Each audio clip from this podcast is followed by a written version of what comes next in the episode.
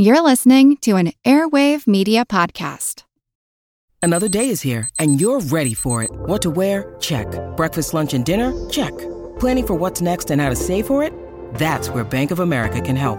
For your financial to dos, Bank of America has experts ready to help get you closer to your goals. Get started at one of our local financial centers or 24-7 in our mobile banking app. Find a location near you at bankofamerica.com slash talk to us.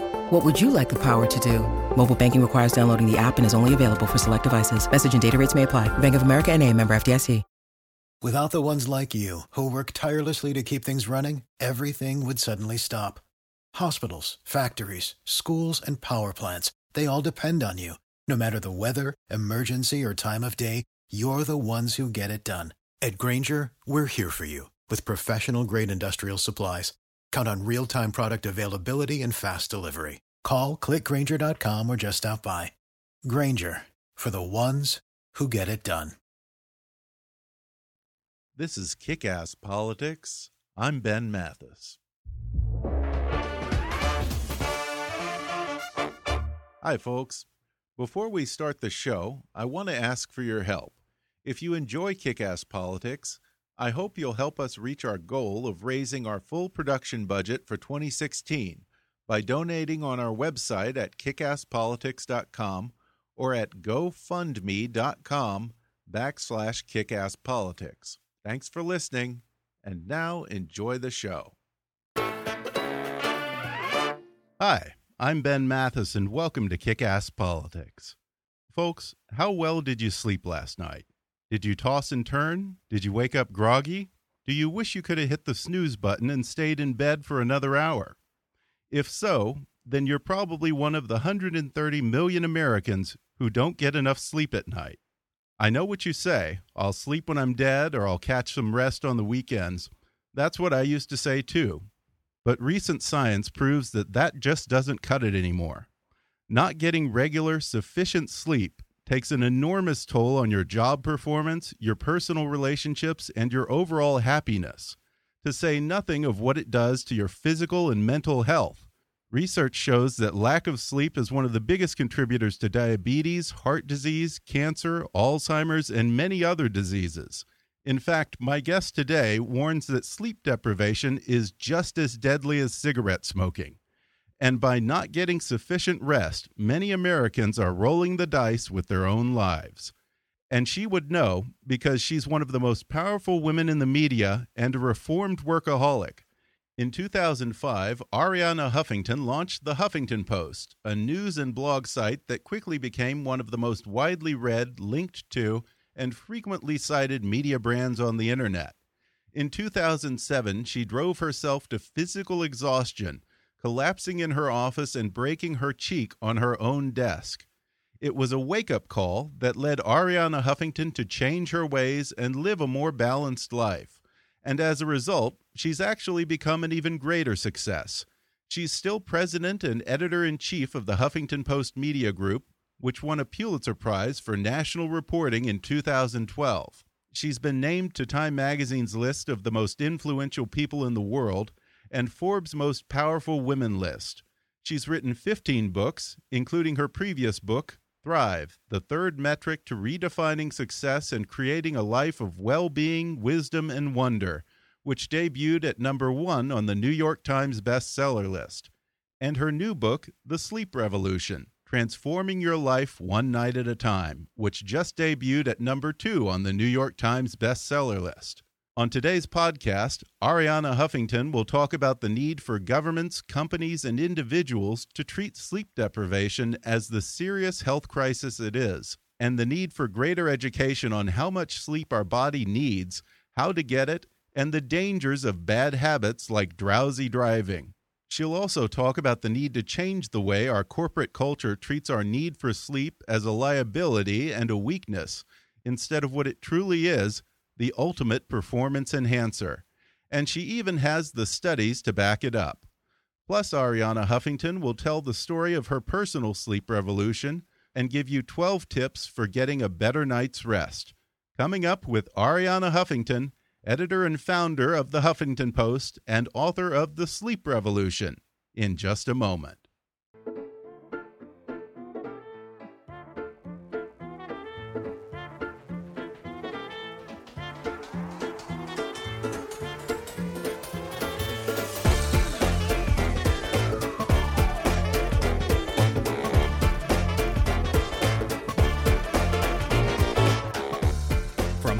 To Washington, it's time for Kick Ass Politics. And now here's your host, Ben Mathis. She's the co founder, president, and editor in chief of the Huffington Post. You might have read her last book, Thrive, which was a number one New York Times bestseller, and it started a whole dialogue on how we define success and what's important in life. And now she's followed it up with an equally significant book that debuted at number two on the New York Times bestseller list for nonfiction. It's called The Sleep Revolution Transforming Your Life One Night at a Time. Arianna Huffington, thank you for joining me. Thank you so much. Great to be with you. Do you feel rested today? I do. 95% of the time, Okay. I feel rested. Like all of us, I'm a work in progress. So it's not 100%, but much better than it used to be.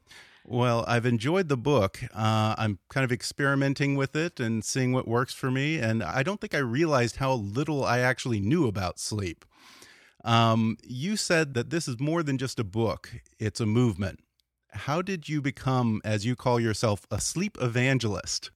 So for me, it all started nine years ago when I collapsed from exhaustion and sleep deprivation, um, hit my head on my desk on the way down, and broke my cheekbone. And that was Oh the my God. beginning of realizing that I was not alone, that in fact I was surrounded by thousands of people who are also burnt out, and that we're all under this collective delusion that somehow, in order to achieve and succeed, we had to burn out and we had to sacrifice sleep. Yeah, you broke your cheekbone. That's pretty scary. Well, you, you do talk a lot in the beginning of the book about the dangers of sleep deprivation. You say in a few years, people will look back on our culture of sleep deprivation and also, in particular, the whole sleeping pill industry the same way that we now view cigarette smoking. How dangerous is our sleep crisis? So we now have this conclusive um, science that proves that sleep deprivation degrades every aspect of our lives. Wow. Um, our health, let's start with that. It's connected with um, practically every major disease obesity, diabetes, uh, heart disease, cancer, and Alzheimer's. But it also dramatically affects our decision making, our impulse control, um, what happens in on our in our brain. Uh, you know, we used to think that we go to sleep and our brain is inactive. And now Right. we know that in fact sleep is a time of frenetic activity for the brain when it washes away all the accumulated toxins from the day. Yeah, so we're not just powering ourselves down. Exactly, we're not. Actually, the metaphor that Dr. Dement, one of the top sleep scientists, uses is we used to think that it's like putting the car in the garage and turning the ignition key off. And now, if you want to use a modern metaphor, it's like your brain becoming a driverless car and running essential errands for you while you are sleeping. Oh, interesting. Yeah. And it's interesting because you say that it's kind of like the overnight cleanup crew Yes. that comes in when you're sleeping. Um, what what exactly happens when we're asleep? What is what goes on in our brain? So what happens is that the the glymphatic system, which is the brain's plumbing system, is activated, and um, our brain has two modalities: either it is awake and alert, or asleep and cleaning up. Hmm. And it's a little bit like uh, uh, either you're entertaining the guests or you're cleaning up the house. you can't do both at the same time. And if you don't clean up the house, there are serious consequences for the way our brain functions and the way our body functions. Well, you talk about how today's culture equates sleep with the lack of motivation and productivity. And we love to throw around phrases like you snooze, you lose, and, uh, you know, I'll sleep when I'm dead. Talk about the fallacy of that kind of thinking. It's a huge fallacy. It's actually a delusion. And and at first you may think, well, how come we believe something which is patently false? Well, we've believed patently false things for many, many um, times during our history. You know, we believed the earth was flat. We believed that smoking was no problem. In fact, you know, you can go to advertising from the 1950s where you had doctors in white coats um, promoting one cigarette brand over another.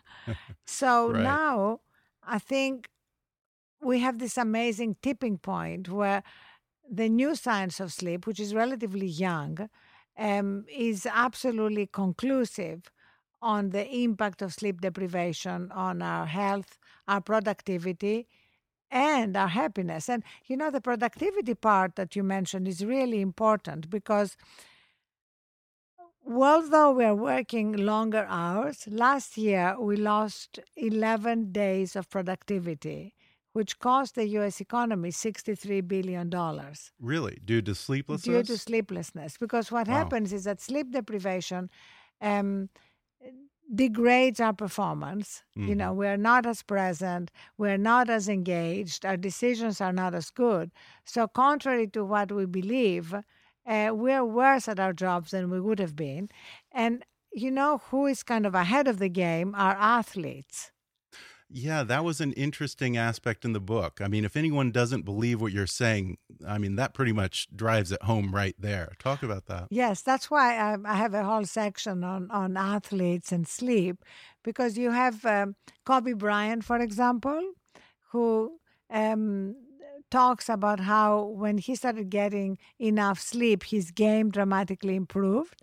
Then uh, Andre Iguodala from the Golden State Warriors um, talks about how uh, his stats that he enumerates dramatically improved after eight hours sleep.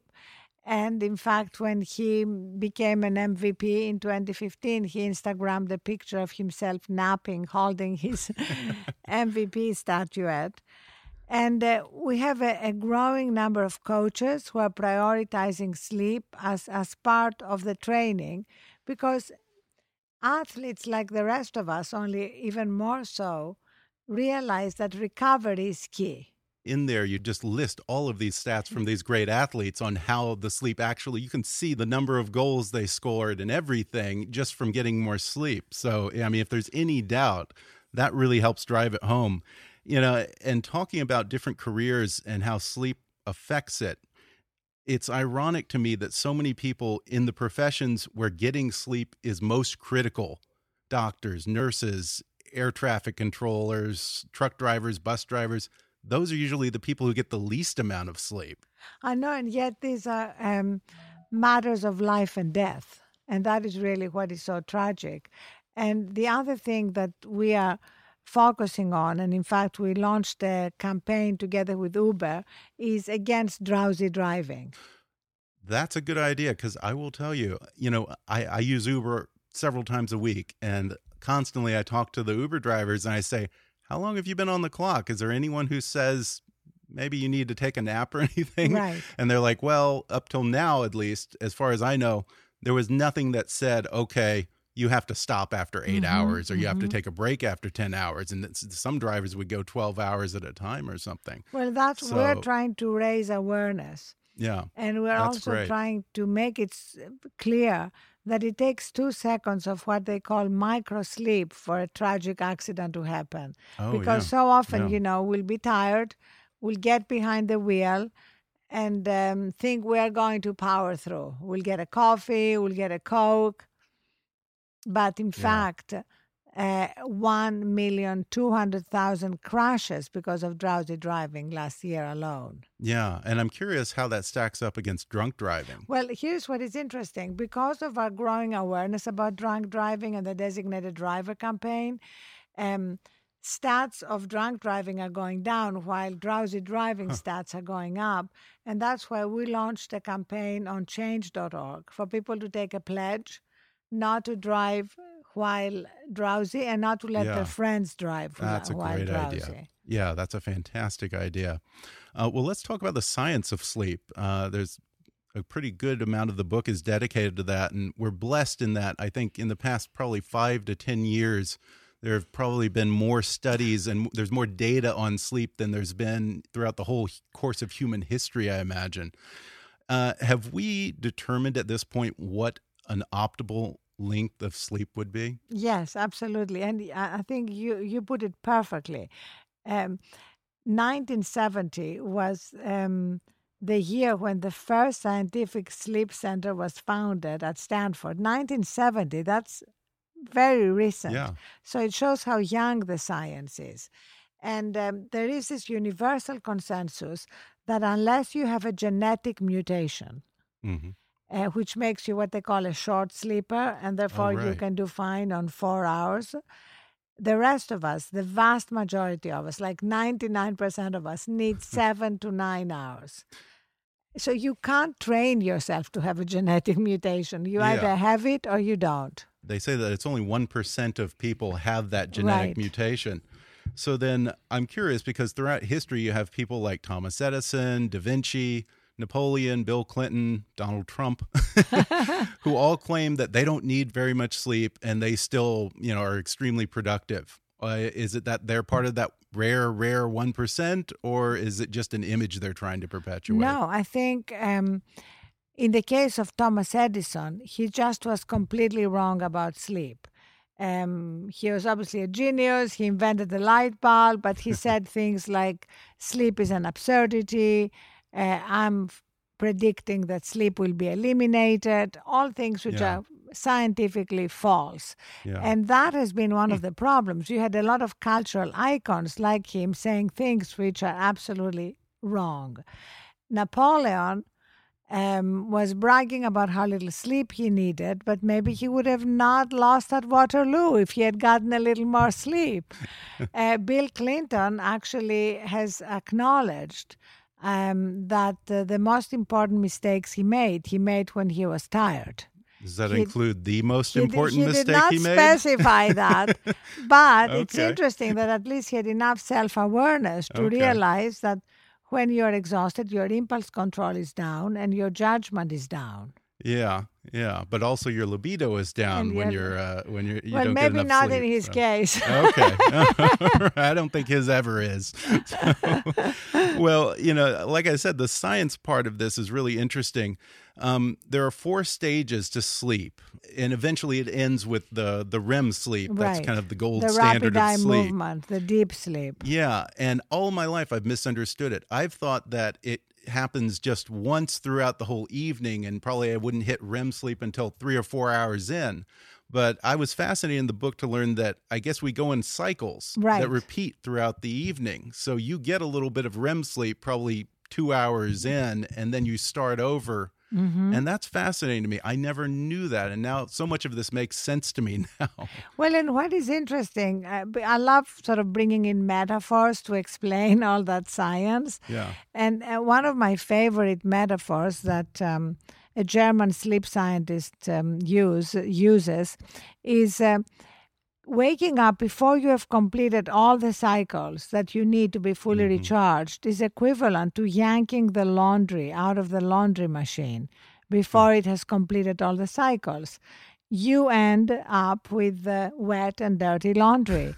and that's often how we feel in the morning if we haven't gotten Yeah. enough sleep. That's why, you know, we say things like, don't talk to me until I've had my coffee. right, right, right. Well, you know, I try if I ever can, I try not to set the alarm because I believe if, if I have that option, I try to wake up whenever I feel like I'm ready to wake up. But That I is have to imagine alarms are part of the problem. Too Alarms here. are definitely part of the problem. Just think of the word. it, You know, the word alarm means that you wake up in a fight or flight mode yeah. with a cortisol stress hormone flooding your body before anything has even happened. Well, we're going to take a quick break, and then I'll be back to talk more with Arianna Huffington, author of The Sleep Revolution.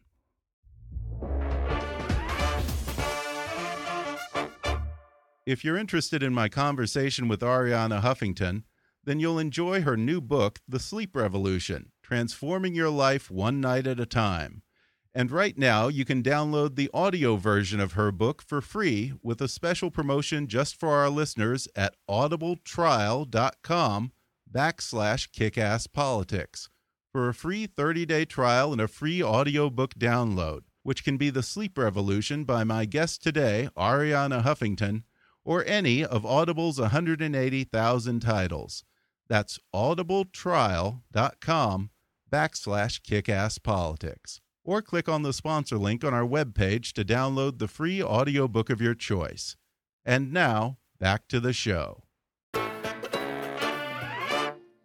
We're back, and today I'm talking with Arianna Huffington, author of The Sleep Revolution Transforming Your Life One Night at a Time. Another part of the scientific aspect that you talk about in here, you dedicate a good amount toward dreams. There have been many theories about what purpose dreams serve. Have we reached any conclusions about what actually goes on when we dream? So we know more about dreams but we still don't have the ultimate wisdom about dreams because I think when we solve that, we'll also have solved the mystery of life, and we haven't gotten close to that. But if you think of it, um, every religion uses dreams as a way to communicate um, with human beings, and you have God sending messages. um, you have, you know, some of the most amazing. Um, historical and religious um, examples involve dreams. So I think now, um, when we get enough sleep, we, because we remember our dreams more, um, we feel somehow though we are connected to another dimension that we are not as conscious of during our daily lives. Interesting. And isn't there also some sort of a, a, a memory consolidation aspect Oh, yes. to dreaming too? There, are, there is a memory consolidation aspect. There is a processing of um, of things that have bothered us during the day, uh, but there is also that sense that there is something else going on in our lives that we are not fully aware of. That we are more than our jobs. That we are more than our Yeah. daily problems. Interesting. Well, some of the best parts of the book are various suggestions that you make to help people sleep, stuff that works for you and stuff that's scientifically been tested and proven by different people. Um, so, what is your sleep ritual at night? Well, first of all, I'm so glad that you you followed the, the order of the book because I think it's so important for people first to be convinced of the science. Right. Because people may be tempted to go straight to the how to part, you know, how mm-hmm. to get a better night's sleep. But if they're not convinced of why it's important to get a good night's sleep, they're not going to be able to take the small steps that I'm recommending to change their habits consistently. So, um, the most important thing is to establish a transition to sleep. We used to, right now, we're used to just being on our phones or our laptops until the last minute, turning off the light. Mhm. And we may fall asleep because we're exhausted, but our brains have not slowed down and they're going to wake us up with all our incompletions and our to do lists and all the things we're anxious about. So I think it's key to have a winding down ritual. Mhm. And mine involves taking all my devices, powering them down, and charging them outside my bedroom, having a hot bath with Epsom salts to literally soak away the day. Now, if you don't like baths, you can have a shower, but it's great to pour some water over your body. I used to sleep in my gym clothes, and now, you know, I have dedicated sleepwear. You can pick whatever you like PJs, nightshirts, uh-huh. even a special t shirt. And in bed, I only read physical books, Oh, right. No, no blue light. no blue mm-hmm. light. And, and also, there's something kind of wonderful about holding a book in your hand. If you doze off, you can just drop it on the floor and nothing happens to it. And I never read books about media or politics or anything that involves work. Anything I like to get you angry. Yes, or kind of re-engaged in my Yeah. daily life. I just like to read novels or poetry or spiritual books. Oh, okay, that's excellent. And yeah, one of the two big suggestions you make again are turning off the devices 30 minutes before bed and leaving them outside the bedroom, Yes. which I like. And I tried that and the other added benefit I found is, you know, is kind of a side benefit. When I wake up in the morning, a lot of times I screw around and waste a lot of time laying in bed on my phone Yes, checking the news or Facebook or whatever, if I put it in the other room, I actually have to get my butt out of bed and actually get my day going. absolutely. And and also, um, let me stress again, you don't have to start with 30 minutes. Start with five. You know, if you think, oh, 30 minutes without my phone, that's uh, that's an lifetime to some eternity. It doesn't matter. Just start, just take a small microscopic step, and gradually you're going to feel so much better, so much more present and productive in your life that it will become like a magnet that draws you to do more. yeah. And, you know, I've been putting some of this into practice over the past week. And it, I'm starting to see some dividends come from it. Um, but I'm also realizing that this is a long term process and it involves a lot of A B testing. I love that. it does. I, call it becoming our own sleep scientist, but I like uh -huh. A B testing. I may steal it from you oh. because it's like try things out. Yeah. Some, I mean, I have so many tools and techniques and um, try them. And it doesn't matter how hockey the one you like is. What matters is does it work for you? Yeah, and one thing that was interesting to me in here is temperature because I always yes. like it very cold Perfect. when I go to bed. Some people like it really warm. You recommend that the temperature be between 60 and 66 degrees. And now I realize why. Why I like that because I'm used to waking up in the middle of the night, you know, having sweats and all this. And I didn't realize until now our body temperature changes throughout the different phases of sleep mm -hmm. at night you know, once we get into REM sleep or the one before that, I think you said it's like a five degree, it goes up five degrees exactly. So, I, you know, ideally, again, everybody's different, but try not to have the temperature over 70 degrees. Yeah. Yeah. Yeah. Yeah, definitely. Um, well, you're a big fan of naps. In fact, I just toured your nap room here at the Huffington Post headquarters. Um, I'm a napper, but people keep telling me that if you take naps, you're not going to be able to get a decent sleep at night. Is that true? No. First of all, um, you are only going to take a very long nap if you have a big sleep deficit. Mm, and as okay. our sleep habits improve, we realize that like a 20 minute nap is amazing. You know, a 20 minute nap is restorative. You know, Winston Churchill right. coined the term power naps, and he won the Second yeah, World the War. Nap. Yeah, yeah, yeah. And he he was very dedicated. He would get in bed and every like a real exactly. nap. Is there an optimal length of nap? About twenty minutes. Oh, really? That's yeah. it. Yeah, Not but you know, no. If you need more, it means that you have you you're running a sleep deficit, which you may yeah. be running because you're jet lagged or you had a sick child. You know, things happen in our lives. Yeah, yeah, that's true. Well, I know that you have to catch a flight. I hope it's not a red eye. No, it's a um, flight to Nashville oh, to, okay. to speak at the at Belmont University. You know, oh, we are doing this college outreach to hundred colleges to reach millennials and help them understand the importance of sleep. So that's one of the colleges. Yeah. Well, you know, before we go, you talk a lot about the problem of politicians having poor judgment because they get too little sleep. Uh, Trump Donald Trump loves to brag about how little sleep he needs. Do you think that that might be part of his problem? Well, you know, he displays a lot of the symptoms of chronic sleep deprivation, according really? to the American Academy of Sleep Medicine, like inability to process even simple information, mood swings, mm -hmm. anger outbursts, false memories. So there is something to to look out for there. Yeah. Well, I'm going to send him a copy of the book. If you have you sent him a copy yet? I haven't. Okay, well then I will, and maybe you'll autograph it for me. I'll send it to you first. Absolutely. Well, again, the book is called "The Sleep Revolution: Transforming Your Life One Night at a Time." Arianna Huffington, thanks for sitting down and talking to me. Thank you so much. Really enjoyed it. And folks, as a bonus, here are Arianna Huffington's 12 tips for getting a better night's sleep. Number one, create a bedroom environment that's dark, quiet, and cool, between 60 and 67 degrees. Remember, folks, your body temperature changes when you go through the various sleep cycles at night. Number two, turn off your electronic devices at least 30 minutes before bedtime.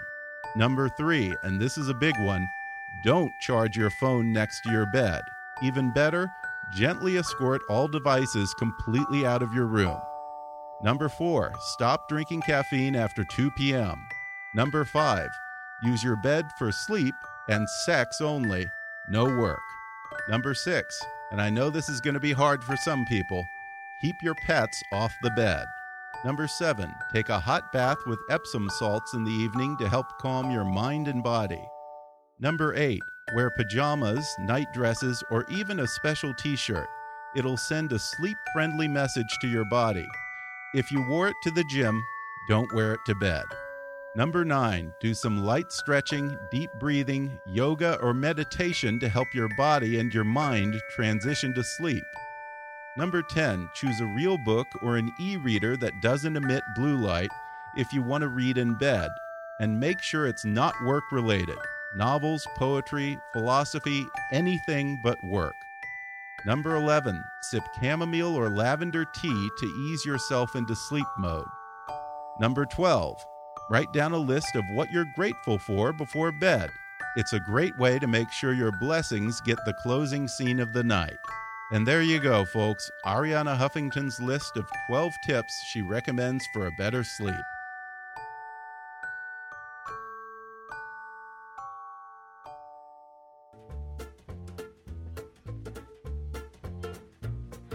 Thanks again to Miss Arianna for coming on the show. And if you enjoyed this episode, or if you're just not getting as good a sleep as you think you ought to be, then I'd encourage you to read her new book, The Sleep Revolution Transforming Your Life One Night at a Time. And folks, in the back of Arianna's book, she even has a sleep quiz where you can determine if you're getting enough sleep. Plus, she has a list of recommended meditations to help you relax before bed and even recommendations on mattresses and hotels that have special programs to help you beat jet lag and get a more restful sleep when you're on the road. I'll include an Amazon link where you can order her book in the show notes for this episode and on our website at kickasspolitics.com. Or if you prefer to listen to the audio version, you can download that for free through that special trial offer just for our listeners at audibletrial.com backslash kickasspolitics. You can follow Arianna Huffington on Twitter at Arianna Huff. That's Arianna with two N's and then Huff, H U F F. Or you can, of course, keep up with her at huffingtonpost.com backslash Arianna. Be sure to subscribe to Kickass Politics on iTunes and leave us a review while you're there. And if you really want to help out, then donate to our GoFundMe campaign at gofundme.com backslash kickasspolitics. Or click on the donate button on our website at kickasspolitics.com. Follow us on Twitter at, at KAPolitics or visit Kickass Politics on Facebook. And while you're there, recommend Kickass Politics to your friends on your social media. And as always, I welcome your comments, questions, and suggestions at comments at kickasspolitics.com.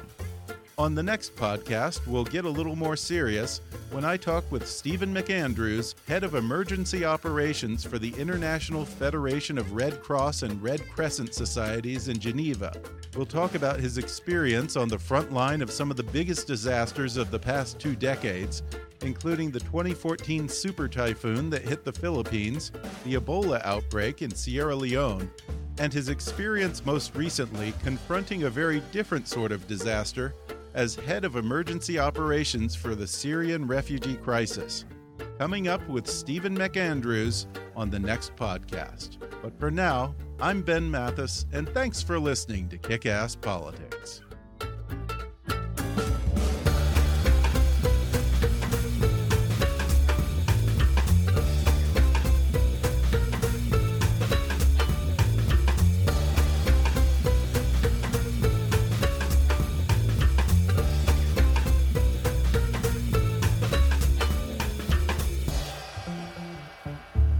Kick Politics is a trademark of Mathis Entertainment, Inc.